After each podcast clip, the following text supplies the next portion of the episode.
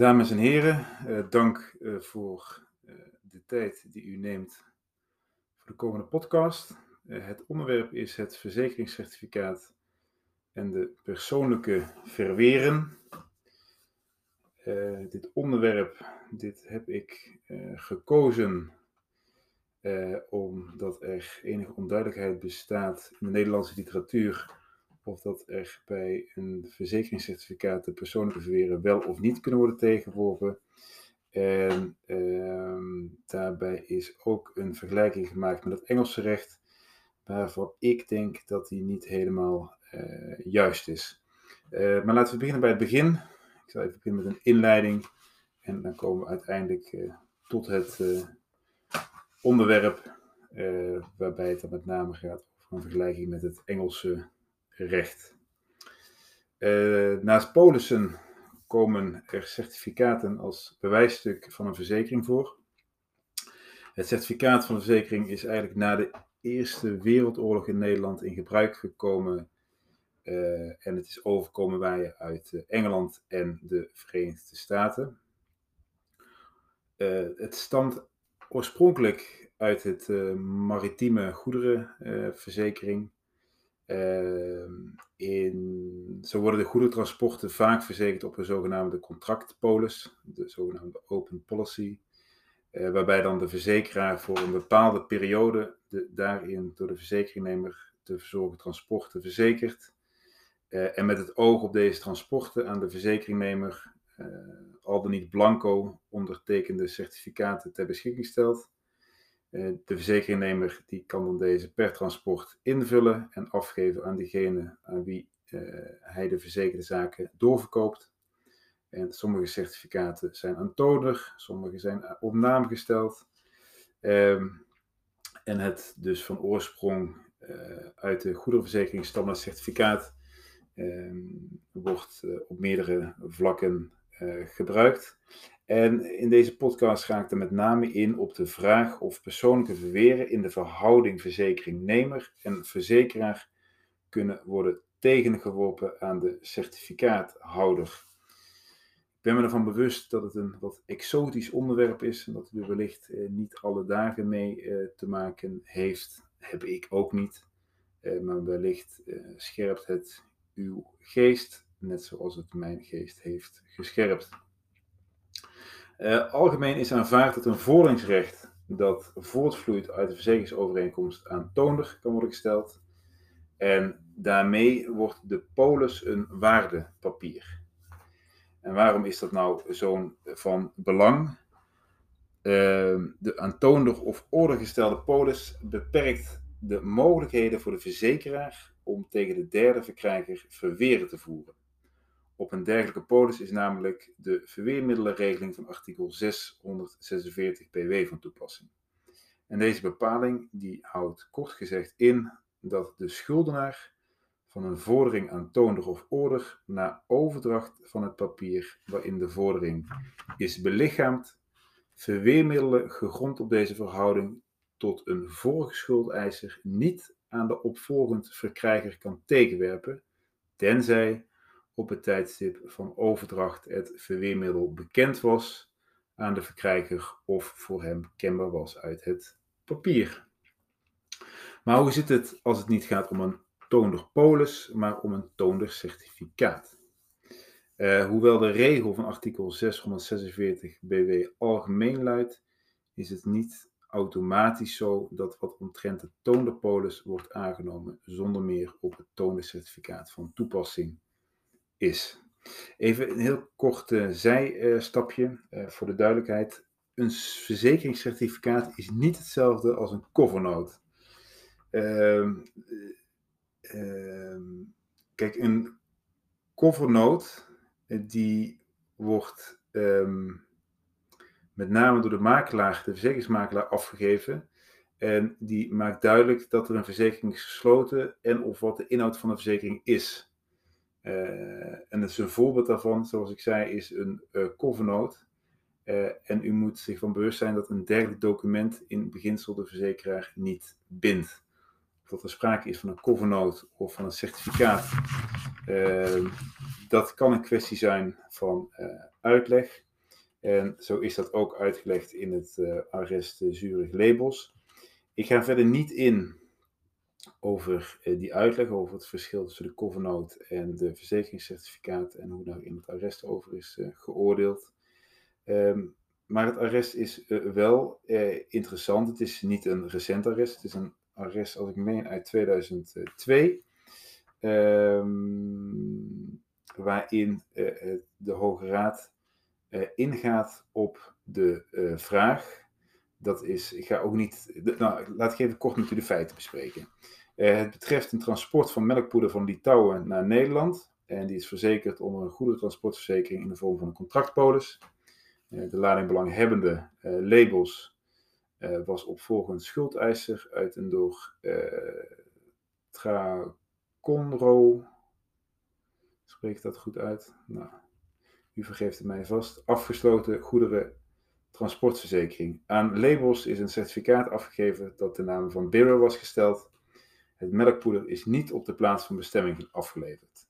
En Labels heeft onder presentatie van het certificaat schadevoeding geclaimd bij haar verzekeraar. Of niet, ja, bij de verzekeraar Zurich.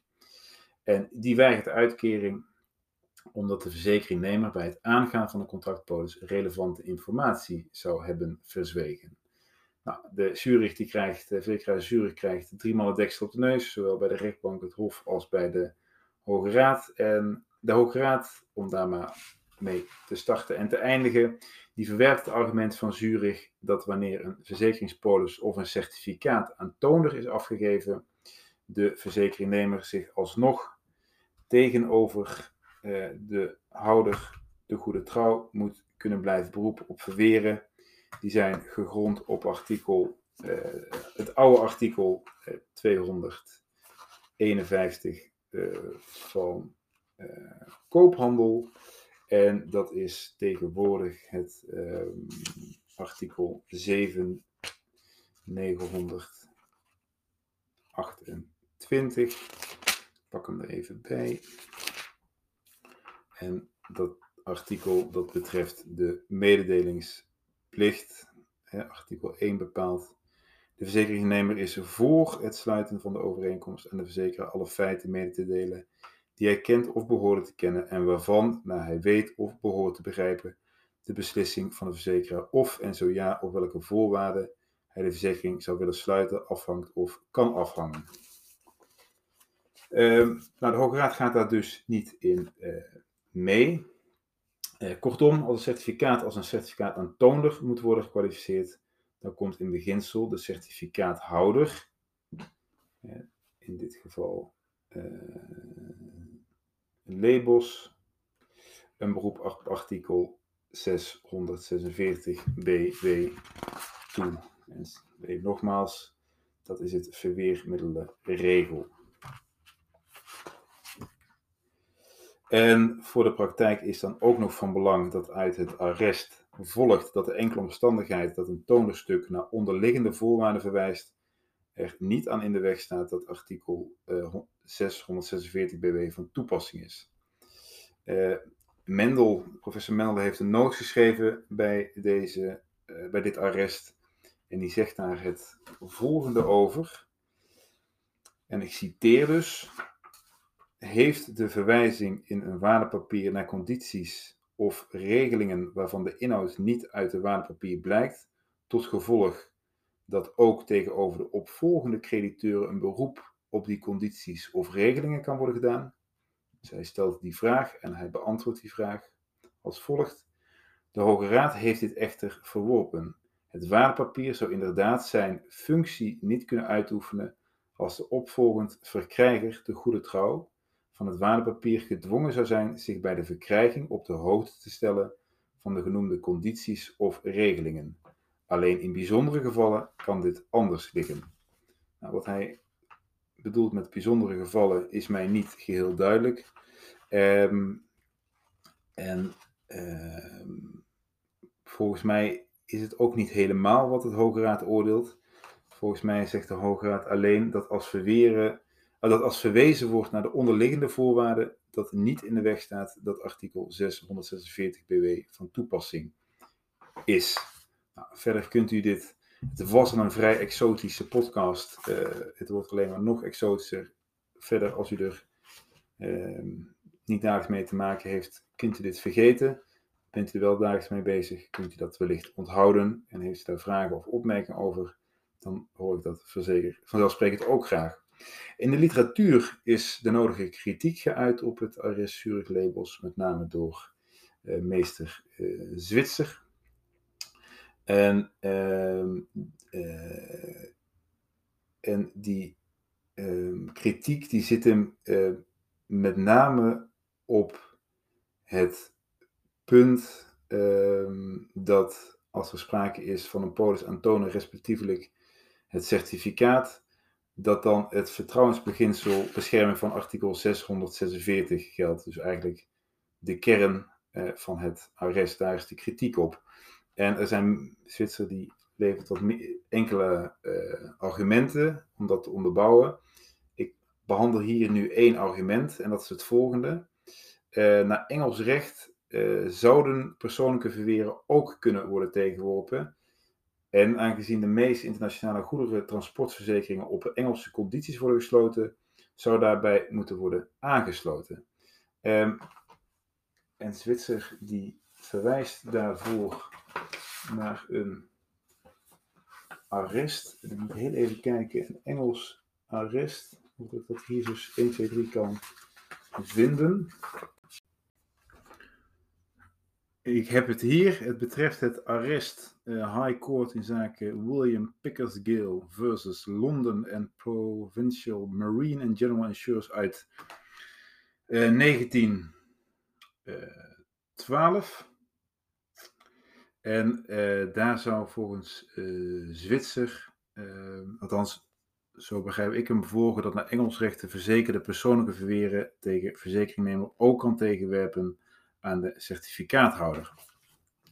Um, maar volgens mij miskent Zwitser dat in die casus uh, het, ging, het niet ging over een verzekeringscertificaat, maar om een derde verzekerde die kan claimen onder de polis.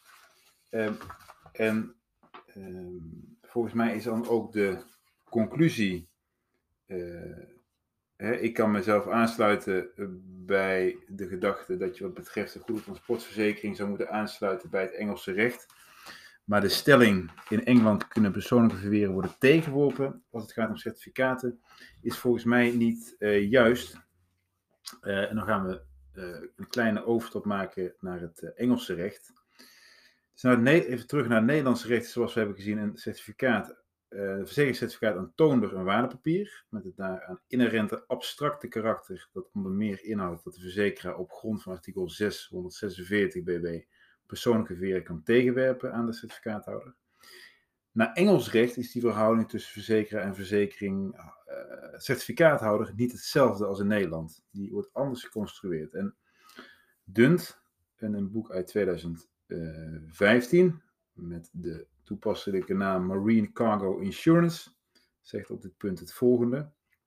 The position appears to be that the certificate holder becomes party to a new and separate contract. It may be said therefore that he is not an uh, assignee in the usual sense that A passes all his rights and obligations under a contract to B.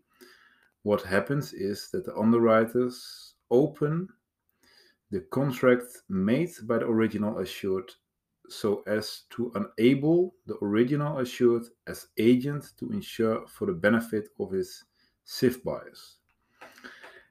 En het separate contract maakt dat ook naar Engels recht in beginsel persoonlijke verweren niet kunnen worden tegengeworpen aan de certificaathouders. Althans, nogmaals, zo begrijp ik Dunt wanneer hij het volgende zegt. Although every certificate must be construed on its own words and in its own context, the effect of it, the effect of the approach adopted by the courts in the cases discussed above is that unless expressly referred to in the certificate, neither limitations of time, such as a one year time bar, nor a limitation on jurisdiction, such as an exclusive jurisdiction clause, will bind an assignee, nor will the uh, assignee be bound by other uh, personal matters such as premiums, options uh, as to the extent of cover, the right to issue certificates, and overall limitations or deductibles not referred to or incorporated in the certificate of insurance. Uh, de constatering dat persoonlijke verweren uh, zeer waarschijnlijk niet kunnen worden tegengeworpen aan de certificaathouder is dus wat mij betreft niet helemaal juist. Uh, dat persoonlijke verweren niet kunnen worden tegengeworpen is gezien de functie van het certificaat in het handelsverkeer om dat handelsverkeer ongehinderd te laten verlopen van groot belang.